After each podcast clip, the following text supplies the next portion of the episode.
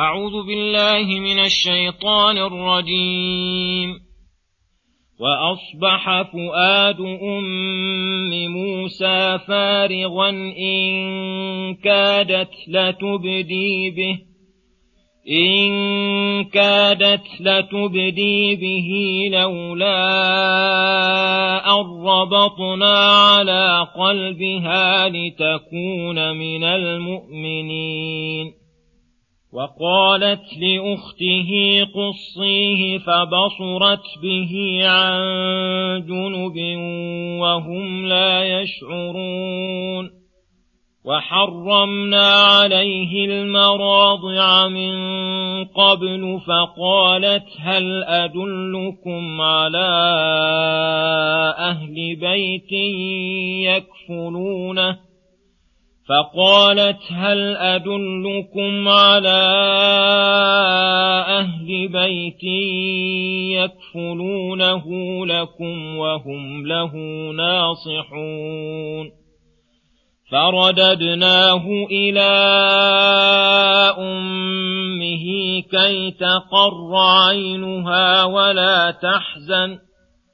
ولا تحزن ولتعلم أن وعد الله حق ولكن أكثرهم لا يعلمون ولما بلغ أشده واستوى آتيناه حكما وعلما وكذلك نجزي المحسنين. ودخل المدينة على حين غفلة من أهلها فوجد فيها رجلين يقتتلان. هذا من شيعته وهذا من عدوه. فاستغاثه الذي من شيعته على الذي من عدوه فوكزه موسى فقضى عليه. قال هذا من عمل الشيطان إنه عدو مضل مبين. قال رب إني ظلمت نفسي فاغفر لي فغفر له. إنه هو الغفور الرحيم. قال رب بما أنعمت علي فلن أكون ظهيرا للمجرمين. فأصبح في المدينة خائفا يترقب فإذا الذي استنصره بالأمس يستصرخه. قال له موسى إنك لغوي مبين. فلما أن أراد أن يبطش بالذي هو عدو لهما قال يا موسى قال يا موسى أتريد أن تقتلني كما قتلت نفسا بالأمس إن تريد إلا أن تكون جبارا في الأرض وما تريد أن تكون من المصلحين. بسم الله الرحمن الرحيم. السلام عليكم ورحمة الله وبركاته. يقول الله سبحانه وأصبح فؤاد أم موسى فارغا إن كادت تبدي به لولا أن ربطنا على قلبها لتكون من المؤمنين. لما فقدت موسى أمه حزنت حزنا شديدا وأصبح فؤاده فؤادها فارغا من القلق الذي أزعجها على مقتضى الحالة البشرية مع أن الله تعالى نهاها عن الحزن والخوف ووعدها برده إن كادت لتبدي به أي بما في قلبها لولا أن ربطنا على قلبها فثبتناها فصبرت ولم تبد به لتكون بذكر الصبر والثبات من المؤمنين فإن العبد إذا أصابته مصيبة فصبر وثبت ازداد بذلك إيمانه ودل ذلك على أن استمرار الجزع مع العبد دليل على ضعف إيمانه. وقالت أم موسى لأخته قصيه أي اذهبي فقصي الأثر عن أخيك وابحثي عنه.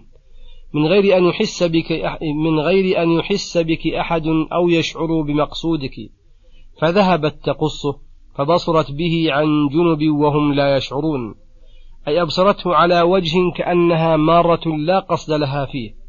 وهذا من تمام الحزم والحذر فإنها لو أبصرته وجاءت إليهم قاصدة لظنوا بها أنها هي التي ألقته فربما عزموا على ذبحه عقوبة لأهله. ومن لطف الله بموسى وأمه أن منعه من قبول ثدي امرأة فأخرجوه إلى السوق رحمة به ولعل أحدا يطلبه. فجاءت أخته وهو بتلك الحال فقالت هل أدلكم على أهل بيتي يكفلونه لكم وهم له ناصحون؟ وهذا جل غرضهم فإنهم أحبه حبا شديدا وقد منعه الله من المراضع فخافوا أن يموت. فلما قالت لهم أخته تلك المقالة المشتملة على الترغيب في أهل هذا البيت بتمام حفظه وكفالته والنصح له بادروا إلى إجابتها فأعلمتهم ودلتهم على أهل هذا البيت. فرددناه إلى أمه كما وعدناها بذلك كي تقر عينها ولا تحزن بحيث أنها تربى عندها على وجه تكون فيه آمنة مطمئنة تفرح به وتأخذ الأجرة الكثيرة على ذلك.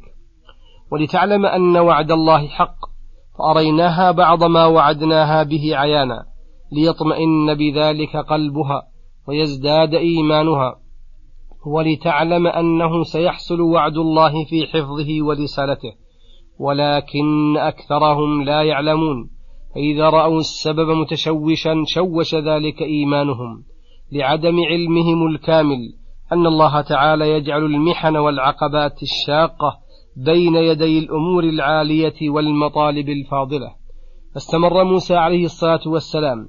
عند آل فرعون يتربى في سلطانهم ويركب مراكبهم ويلبس ملابسهم. وأمه بذلك مطمئنة. قد استقر أنه أم قد استقر أنها أمه من رضاع ولم يستنكر ملازمته إياها وحنوه عليها وتأمل هذا اللطف من الله وصيانة نبيه موسى من الكذب في منطقه. وتيسير الأمر الذي الذي صار به التعلق بينه وبينها. الذي بان للناس أنه هو الرضاع الذي بسببه يسميها أمًا فكان الكلام الكثير منه ومن غيره في ذلك كله صدقا وحقا. ولما بلغ أشده من القول من القوة والعقل واللب وذلك نحو أربعين سنة في الغالب واستوى فكملت فيه تلك الأمور. آتيناه حكما وعلما أي حكما يعرف به الأحكام الشرعية ويحكم به بين الناس وعلما كثيرا. وكذلك نجزي المحسنين في عبادة الله المحسنين لخلق الله يعطيهم علما وحكما بحسب إحسانهم ودل هذا على كمال إحسان موسى عليه السلام. ودخل المدينة على حين غفلة من أهلها. إما وقت القائلة أو غير ذلك من الأوقات التي بها يغفلون عن الانتشار فوجد فيها رجلين يقتتلان يتخاصمان ويتضاربان. هذا من شيعته أي من بني إسرائيل وهذا من عدوه كالقبط فاستغاثه الذي من شيعته على الذي من عدوه لأنه قد اشتهر وعلم لأنه قد اشتهر وعلم الناس أنه من بني إسرائيل واستغاثته لموسى واستغاثته لموسى دليل على أنه بلغ موسى عليه السلام مبلغا يخاف منه ويرجى من بيت المملكة والسلطان. فوكزه موسى أي وكز الذي من عدوه استجابة لاستغاثة الإسرائيلي فقضى عليه أي أماته من تلك الوكزة لشدتها وقوة موسى. فندم موسى عليه السلام على ما جرى منه وقال هذا من عمل الشيطان أي من تزيينه ووسوسته. إنه عدو مضل مبين. فلذلك أجريت ما أجريت بسبب عداوته البينة وحرصه على الإضلال. ثم استغفر ربه. قال رب إني ظلمت نفسي فاغفر لي فغفر إنه هو الغفور الرحيم. خصوصا للمخبتين إليه المبادرين للإنابة والتوبة كما جرى من موسى عليه السلام. قال موسى رب بما أنعمت علي بالتوبة والمغفرة والنعم الكثيرة فلن أكون ظهيرا أي معينا ومساعدا للمجرمين أي لا أعين أحدا على معصية. وهذا وعد من موسى عليه السلام بسبب منة الله عليه ألا يعين مجرما كما فعل في قتل القبطي. وهذا يفيد أن النعم تقتضي من العبد فعل الخير وترك الشر. فلما فلما جرى منه قتل فلما جرى منه قتل الذي هو من عدوه أصبح في المدينة خائفا يترقب هل يشعر به آل فرعون أم لا؟ وإنما خاف لأنه قد علم أنه لا يتجرأ أحد على مثل هذه الحال سوى موسى من بني إسرائيل. فبينما هو على تلك الحال إذا الذي استنصره بالأمس على عدوه يستصرخه على قبطي آخر قال له موسى موبخا على حاله إنك لغوي مبين أي بين الغواية ظاهر الجراءة. فلما أن أراد أن يبطش موسى بالذي هو عدو لهما أي له وللمخاصم المستصرخ لموسى أي لم يزل اللجاج بين القبطي والإسرائيلي وهو يستغيث بموسى فأخذته الحمية حتى هم أن يبطش بالقبطي. قال له القبطي زاجرا له عن قتله يا موسى أتريد أن تقتلني كما قتلت نفسا بالأمس؟ إن تريد إلا أن تكون جبارا في الأرض لأن من أعظم آثار الجبار في الأرض قتل النفس بغير حق.